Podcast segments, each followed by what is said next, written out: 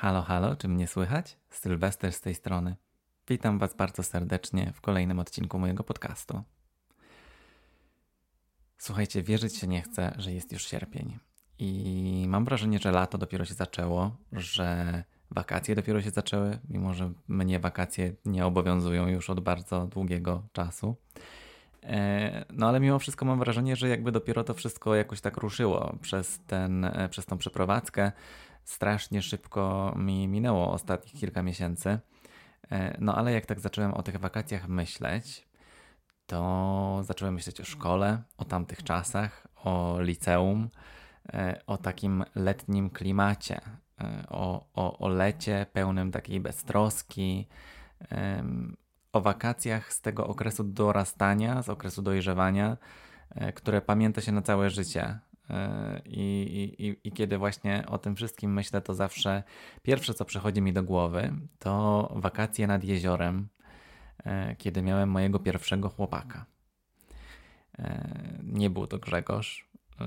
Możemy nazwać tego chłopaka Tomkiem na, na potrzeby tego, tego odcinka. Więc o tym będzie dzisiaj. O tym Wam dzisiaj troszeczkę opowiem, bo wiąże się to z tematem bardzo aktualnym też, ale o tym później.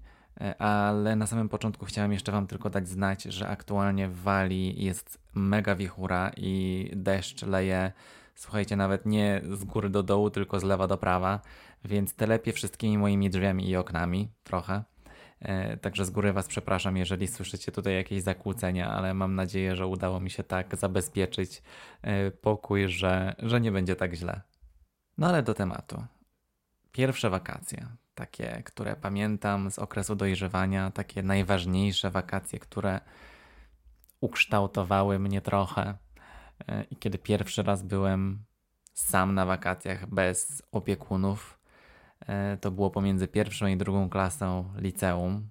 To był rok 2008, słuchajcie. No i to był mój pierwszy związek też. Także bardzo dużo takich pierwszych kamieni milowych z tym było związanych. E, nie znaliśmy się wtedy też z tym chłopakiem jakoś tak super długo. Chociaż w sumie to jak na li taką licealną relację, to chyba długo, bo, bo tak praktycznie to prawie rok. E, no ale te wakacje były bardzo wyjątkowe, dlatego że właśnie wraz z dwiema bliskimi koleżankami pojechaliśmy we czwórkę nad jezioro. I to było jezioro w takiej małej miejscowości, w ogóle pośrodku niczego, gdzie dojeżdżało się pociągiem, takim, który się zatrzymuje w każdej małej miejscowości. Później jechaliśmy autobusem, a na koniec jeszcze autostopem trzeba było dojechać tam nad to jezioro, gdzie właśnie mieszkaliśmy E, przez dwa tygodnie w takim małym, czteroosobowym domku e, w stanicy wędkarskiej w ogóle, bo ten mój były chłopak lubił wędkować. E, no i tak jak Wam mówiłem, to były moje pierwsze wakacje bez opiekuna, pierwsze ze znajomymi. I wiecie, jak to jest, jak, jak coś się dzieje, jest jakieś takie wydarzenie, które jest na tyle szczególne i niesamowite, że nawet już w trakcie tego, kiedy to się dzieje, już wiecie tak w głębi serca, że to jest ten moment, który zapamiętacie na zawsze. Bo to takie kluczowe wspomnienia, właśnie, które, tak jak mówiłem, trochę nas kształtują, trochę no, są czymś takim, co wydaje nam się, że czekaliśmy na to przez całe życie. No i to były, wiecie, pierwsze wakacje z chłopakiem. No, oczywiście, że czekałem na to przez całe życie. Także wiecie, standardowo w ogóle zachody słońca na takiej no, pseudoplaży nad jeziorem E, opalanie się na drewnianym pomoście pomiędzy takimi szuwarami. Ja nawet nie znam tych słów, bo nie przebywam w takich miejscach nigdy, a już po polsku to już w ogóle. E, więc e, no właśnie opalanie się na takim pomoście, wspólne jedzenie zupek chińskich na kolację, albo takie wakacyjne burgery w miejscowej jadłodajni z ogródkiem. Takie burgery, które podawane są w takim papierowym opakowaniu, takie burgery la pita albo jakiś taki taka knysza, nie wiem. E, I, I do tego dają takie karbowane fryty, które pachną tanim olejem. E, no i to też jest takie bardzo wakacyjne dla mnie i w ogóle obsikiwanie, obsikiwanie się, no pryskanie się y, tym preparatem przeciwkomarowym, który ma mega charakterystyczny zapach i który już zawsze będzie mi się kojarzył z wakacjami, taki polski, ten preparat przeciwko komarom. E, I tutaj pragnę zauważyć, że to jest zupełnie inny zapach niż zapach tych takich hardkorowych, przeciwkomarowych preparatów, które zabieraliśmy do Azji. Dlatego mi się ten, ten polski preparat bardziej kojarzy właśnie z wakacjami w Polsce tymi 100 lat temu, e, a nie z wyjazdami do Azji, tak jak te, e, tak jak te takie dla podróżników, którzy są gdzieś tam w puszczy. To słuchajcie, te preparaty, co się w Azji nimi psika Chyba nam nawet kiedyś rozpuściły w ogóle fragment plecaka, bo, bo, jak się trochę welało, bo to takie żerące jest, że aż po prostu wszystko piecze. No ale nieważne, bo dygresja. E, to była moja te wakacje nad jeziorem z moim ówczesnym chłopakiem i, i, i dwiema e, koleżankami ze szkoły. E, to była moja pierwsza samodzielna taka przygoda tak naprawdę i można by powiedzieć, że podróż, bo no ja całe życie wychowywałem się we Wrocławiu, na wsi, nie miałem okazji nigdy spędzić zbyt dużo czasu, bo no bo wiecie, no tak się, tak się ułożyło, że, że bardzo rzadko bywałem gdzieś tam poza miastem. E, nigdy w ogóle wcześniej nie byłem nad jeziorem, nie? W ogóle mając 17 lat. Nie wiem, mam nadzieję, że to nie jest takie super dziwne, ale teraz z perspektywy czasu sobie myślę, no trochę smutne, że nie miałem okazji. Ale z drugiej strony zawsze jeździliśmy z rodzicami nad morze, mimo że było dalej niż nad jezioro. E, bo z Wrocławia to jednak kawał trzeba przejechać, ale, ale zawsze jeździliśmy nad morze, więc ja nigdy nie, nie miałem doświadczenia z jeziorami. E, także no, dla mnie takiego żółtodzioba z Wrocławia jak ja, to, to była po prostu prawdziwa podróż na te dwa tygodnie wakacji e, w tym, w tym domku nad jeziorem. E, braliśmy, ja wziąłem wtedy chyba dwie takie wielkie podróżne torby i plecak. Oczywiście w torbie były nie tylko ubrania, tylko jakieś gry planszowe, jakieś e, zupki chińskie, e, pewnie jakieś piwo, jakieś tam, wiecie, różne, różne rzeczy, które chcieliśmy ze sobą zabrać. Tak jakbyśmy jechali po prostu na koniec świata, jakby tam sklepu nie było. Fakt jest taki, że był tam jeden sklep, to był sklep taki typowy pośrodku niczego, gdzie musieliśmy z tego miejsca, w którym my mieszkaliśmy, iść jakieś 30 minut piechotą. I to był taki malutki sklepik, artykuły spożywczo-przemysłowe, sklep ze wszystkim. Mm, więc, y, więc to była taka jedyna i ostatnia deska ratunku w razie by nam czegoś zabrakło, dlatego też tyle rzeczy zabieraliśmy ze sobą na ten wyjazd. No ale nieważne. Mm, oczywiście z tego względu, że byłem na y, pierwszych takich wakacjach z chłopakiem i przyjaciółmi, to oczywiście czułem się z tego względu bardzo dorosły. E, no a teraz z perspektywy czasu dużo bardziej zdaję sobie sprawę z tego, jaki byłem wtedy durny. I jak tak dzisiaj zacząłem przygotowywać ten odcinek podcastu i pomyślałem sobie, jak to jest? Czy moja mama bała się, bo ja wtedy nie byłem wyautowany jeszcze, tak się zaraz muszę się mojej mamy zapytać, czy ona się bała, czy przypadkiem któraś z moich koleżanek nie wróci z tego wyjazdu w ciąży. No, bardzo ciekawe. E, także no, rzeczywiście ten czas nad jeziorem był dla mnie wyjątkowy i oczywiście najważniejsze wtedy było dla mnie to, że przecież nareszcie mogłem spędzić z moim byłym chłopakiem tak bardzo dużo czasu, bo po pierwsze nie było szkoły, były wakacje, a po drugie nie było tego otoczenia, czyli nie wiem, rodziców, rodziny. Nie musieliśmy się martwić o to, żeby przypadkiem nie usłyszeć niewygodnych pytań od dorosłych, że co wy się ciągle tak widzicie, a co ty się znowu widzisz z tym Tomkiem, a co ten Tomek to twój narzeczony. No, ja totalnie nie byłem wtedy gotowy, żeby powiedzieć, że no, nie narzeczony, ale chłopak. Ale generalnie na bardzo wiele rzeczy nie byłem wtedy gotowy. I pamiętam nawet taką rozmowę, kiedy z Tomkiem rozmawialiśmy o tym, że pierwszy raz e, będziemy mieli okazję razem spać w jednym łóżku. Tak wchodzi mi w tym momencie o spędzenie nocy w jednym łóżku, nie wiem, przytuleni. E, mówię, naprawdę mówię tutaj o spaniu.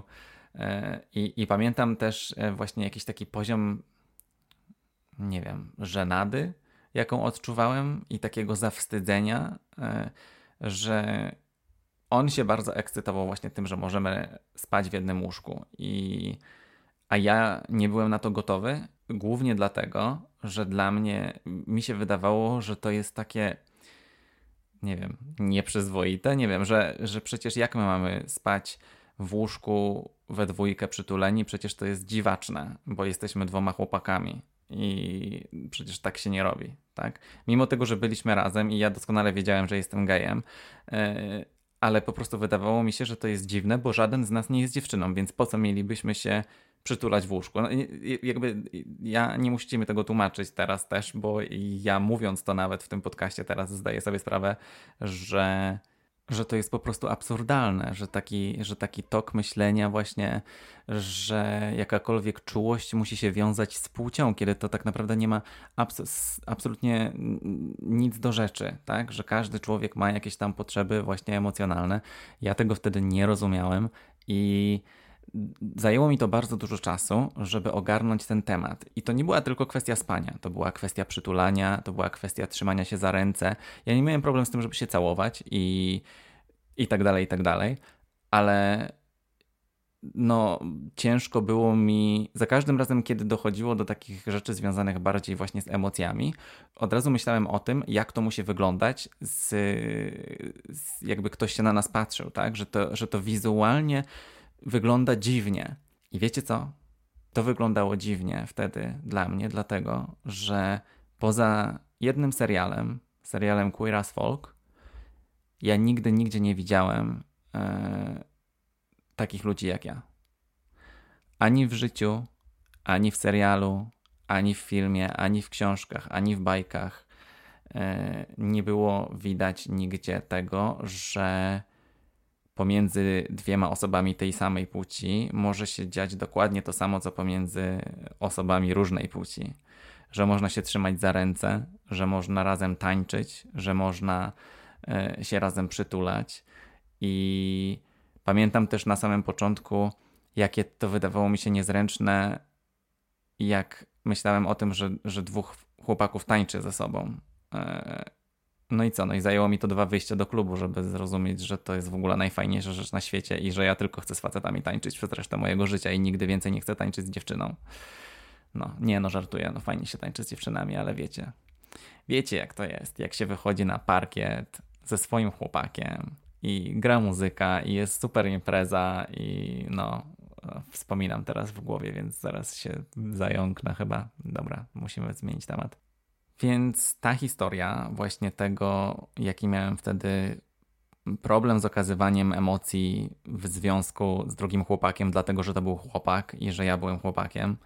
E, ten cały problem wynikał z tego, że wtedy po prostu nie mogłem nigdzie widzieć takiej reprezentacji siebie i tego, że e, jakby no czułem się po prostu wtedy jak taki dziwak, jak ktoś, kto po prostu jest jedyny na świecie taki się urodził i nikogo innego takiego nie ma i że czemu wszyscy mają się patrzeć jak ja się, nie wiem, dlaczego ktokolwiek miałby chcieć się patrzeć na to, że ja się chcę trzymać za ręce z drugim chłopakiem, bo przecież to nie jest taka rzecz, która w ogóle się, yy, którą wypada w ogóle pokazywać, tak?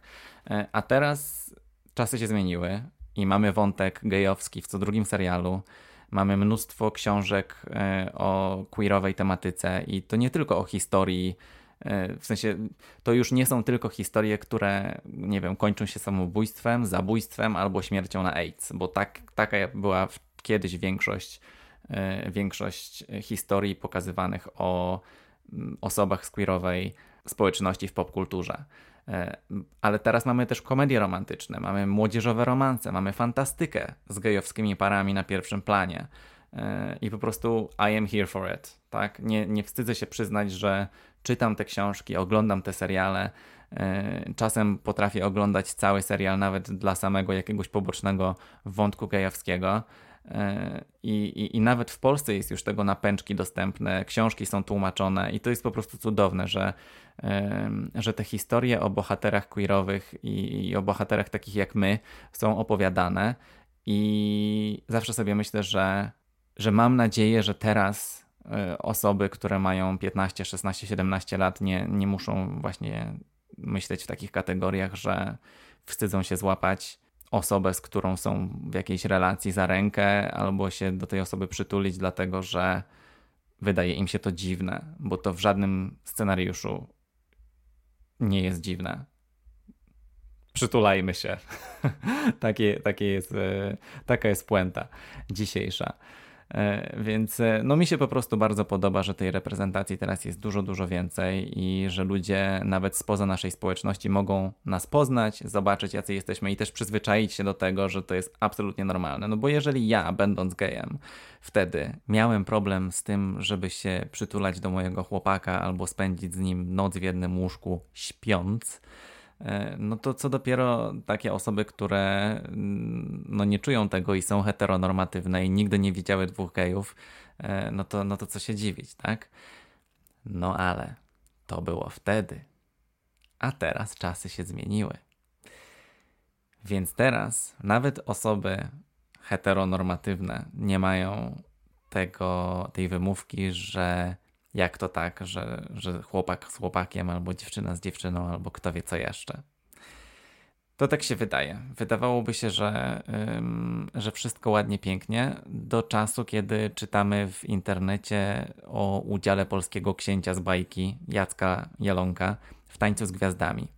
E, I tytuły artykułów są oczywiście przełomowy. Pierwszy raz w Polsce zatańczy w parze jednopłciowej i w ogóle wiadomość poruszyła całą Polskę. No ale jak donosi portal Poptown, e, nikt z byłych uczestników polskiej wersji programu nie chciał wystąpić z Jackiem w duecie. Podobno tancerze odmówili z obawy o to, jak zostaną odebrani przez konserwatywną polską publiczność. I oczywiście też pod postami o tej samej jednopłciowej parze w tańcu z gwiazdami posypały się też komentarze e, w stylu, że po co to, że to obrzydlistwo, że facet z facetem. A poza tym, skoro to dwóch facetów, to, to w ogóle kto będzie kogo prowadził? Przecież to jest taniec, ktoś musi prowadzić, przecież to mężczyzna prowadzi. I w ogóle geje znowu próbują doprowadzić do jakiegoś rozkładu tradycyjnych wartości i do zagłady ludzkości tym, że w ogóle odważyli się razem tańczyć na parkiecie. E, no, także w ogóle, no, wiecie jaki jest mój największy problem z całą tą dysputą w mediach społecznościowych e, o tym właśnie, czy to, że oni tańczą we dwójkę w programie telewizyjnym ma sens, czy nie. E, mój problem jest taki, że sorry, grupo polskich konserwatystów, ale spóźniliście się bo to jest bez żenujące. Z tego względu, że takie pary już wystąpiły w innych edycjach programu na świecie. Na przykład w Izraelu w 2010 roku, e, albo w Stanach Zjednoczonych w 2016, we Włoszech w 2018. I wiecie co? Świat się nie zawalił, nikomu nie stała się krzywda, nikogo nie straumatyzowało dwóch mężczyzn, którzy razem tańczą. A w kwestii tego, że w ogóle skoro jest dwóch mężczyzn albo dwie kobiety, to kto będzie prowadził, bo w tańcu musi prowadzić mężczyzna. E, wiecie, jest bardzo proste rozwiązanie. Wystarczy powiedzieć do swojego partnera: Ej, chcesz prowadzić, czy ja mam prowadzić? I tyle, proste. No to jak z samochodem. Naprawdę coraz bardziej męczy mnie wałkowanie jednego i tego samego. Zwłaszcza kiedy człowiek zda sobie sprawę z tego, że taki serial jak Modern Family gdzie w pierwszym odcinku bohaterowie pierwszego planu, e, Cam i Mitchell, którzy są parą gejów, oni w pierwszym odcinku tego serialu adoptują z wietnamskiego sierocińca małą dziewczynkę i na przestrzeni bodajże 11 sezonów serialu e, ją wychowują. I, i, I ta trójka to jeden z trzech głównych wątków całego serialu, który leciał na antenie przez ponad właśnie 10 lat w Stanach. I ten serial, słuchajcie, wyszedł w 2009 roku. Słowo na L wyszło w 2004 roku. I było i tak dużo bardziej mainstreamowe niż serial, serial Queer as Folk, więc wszyscy mieli okazję zobaczyć lesbijki na ekranie i się z nimi oswoić, jeżeli tak bardzo potrzebują się oswoić. E, więc ja się zastanawiam przez cały czas, dlaczego my, jako naród, nadal rozmawiamy o tym, czy osoby queerowe powinny razem ze sobą tańczyć, E, czy powinno nas być widać, czy powinniśmy mieć prawo do związków partnerskich, już w ogóle o adopcji nie wspominając nawet. W ten sposób ludziom robi się krzywda e, i tak się ludzi upokarza, pokazuje się grupie ludzi, że są gorsi, i to jest właśnie jeden z tych czynników, przez które ja nie mogłem przeżywać pierwszej miłości e, jak normalny heteroseksualny nastolatek, zastanawiając się, nie wiem, co ubrać na randkę, albo czy mogę go złapać za rękę. Tylko zastanawiałem się, jak to dziwnie będzie wyglądać, jak chłopak z chłopakiem będzie szedł za rękę, albo nawet będąc we dwójkę u niego w domu, jak to będzie wyglądać, mimo że jesteśmy sami, jak ja się do niego przytulę. Czy to będzie zbyt, nie wiem, że nie wypada dwóm chłopakom, wiecie o co chodzi? No, absurd, po prostu absurd. I pamiętam, jak w 2009 roku poszedłem na spotkanie grupy inicjatywnej do spraw związków partnerskich we Wrocławiu, gdzie odbywała się rozmowa na temat tego, jakie są opcje właśnie regulacji związków, prawne regulacje związków na świecie dla par jednopłciowych. E, I szokujące dla mnie było wtedy kiedy członkowie tej grupy rozmawiali właśnie o polityce i mówili, że przewidują, że związki partnerskie wejdą w Polsce w 2020 roku. Pamiętam, że, że taka data wtedy padła i to był, tak jak mówię, to był rok 2009. I oni mówili, w 2020 roku wejdą związki partnerskie prawdopodobnie. To nie byli politycy, to nie byli obietnice polityczne. To były takie, oni tak przewidywali, e, jako ludzie, którzy się zajmują tym tematem. Oni to przewidywali na 11 lat później. I mi się to wtedy wydawało przerażające, straszne i smutne. Mm, bo 11 lat, kiedy ma się 17, 18, wydaje się być po prostu wiecznością. I, I dlatego ja już wtedy planowałem wyjazd za granicę, bo nie chciałem tak żyć. I najsmutniejsze w tym wszystkim jest to, że mamy rok 2022, a ja mam wrażenie, że jesteśmy od związków partnerskich w Polsce nadal bardzo daleko, e, o innych prawach w ogóle nie wspominając.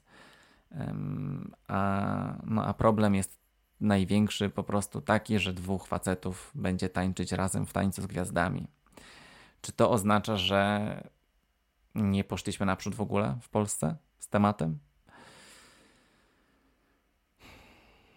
Część heteroseksualnych mężczyzn o konserwatywnych poglądach ma chyba zbyt kruche poczucie własnej męskości, żeby być w stanie znieść albo zrozumieć fakt, że dwóch innych mężczyzn gdzieś w Polsce może chcieć razem żyć, tworzyć rodzinę, gospodarstwo domowe, dziedziczyć po sobie, mieć prawo do wizyt w szpitalu e, albo, nie wiem, mieć prawo do wspólnego opodatkowania.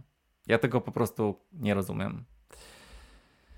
I dlatego bardzo podziwiam osoby ze społeczności LGBT, które mieszkają i chcą mieszkać w Polsce i walczą o prawa w Polsce, bo ja psychicznie nie potrafiłbym w Polsce żyć. zwłaszcza po tym, co się działo podczas kampanii prezydenckich i parlamentarnych. No i dlatego puenty tego odcinka są dwie. Po pierwsze, oby właśnie queerowej reprezentacji było jak najwięcej. E, dlatego też ja cały czas próbuję chociaż właśnie nagrywać podcasty, udzielać się na Instagramie. Dlatego lubię się dzielić z ludźmi, którzy nas śledzą naszym życiem, albo nie wiem, nawet książkami, które czytam, właśnie z wątkami gejowskimi, albo serialami, albo filmami. E, I dlatego też ja te, to wszystko konsumuję jak szalony e, i, i polecam je dalej. Także wiecie, jeżeli chcecie, to ja też bardzo chętnie w podcaście będę częściej mówił o takich tematach. Możecie mi dać znać w komentarzu. E, no a druga puenta jest taka, że yy, słuchajcie, to jest. To jest ok, jeżeli ktoś nie ma siły żyć w Polsce. Yy, I po raz kolejny powiem, że emigracja to była najlepsza decyzja mojego życia, bo jestem szczęśliwy i nie czuję się tutaj w Wielkiej Brytanii jako obywatel drugiej kategorii mimo że jestem podwójną mniejszością, bo nie dość, że jestem gejem, to jestem Polakiem.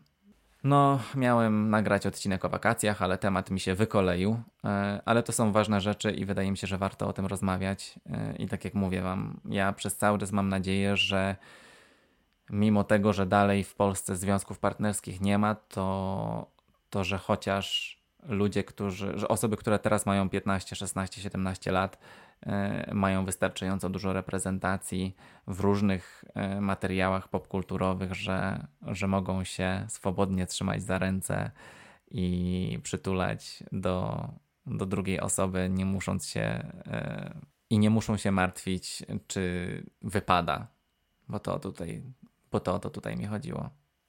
No, nie spodziewałem się, że ten e, odcinek pójdzie w tym kierunku, ale no widzicie, do, dotarliśmy do mety. Także e, sorry, jeżeli mm, trochę z czapy wyszło, ale, e, ale chyba musiałem z siebie wyrzucić to wszystko, jak tak zacząłem analizować moje wakacje i, i, i, i zacząłem się zastanawiać, jakby to było, gdybym mm, te wakacje wtedy przeżył jako osoba heteroseksualna, albo gdybym przeżył te wakacje w świecie, w którym nie ma homofobii i, i takiej autohomofobii, którą ja wtedy miałem, to to jakby moje życie wyglądało.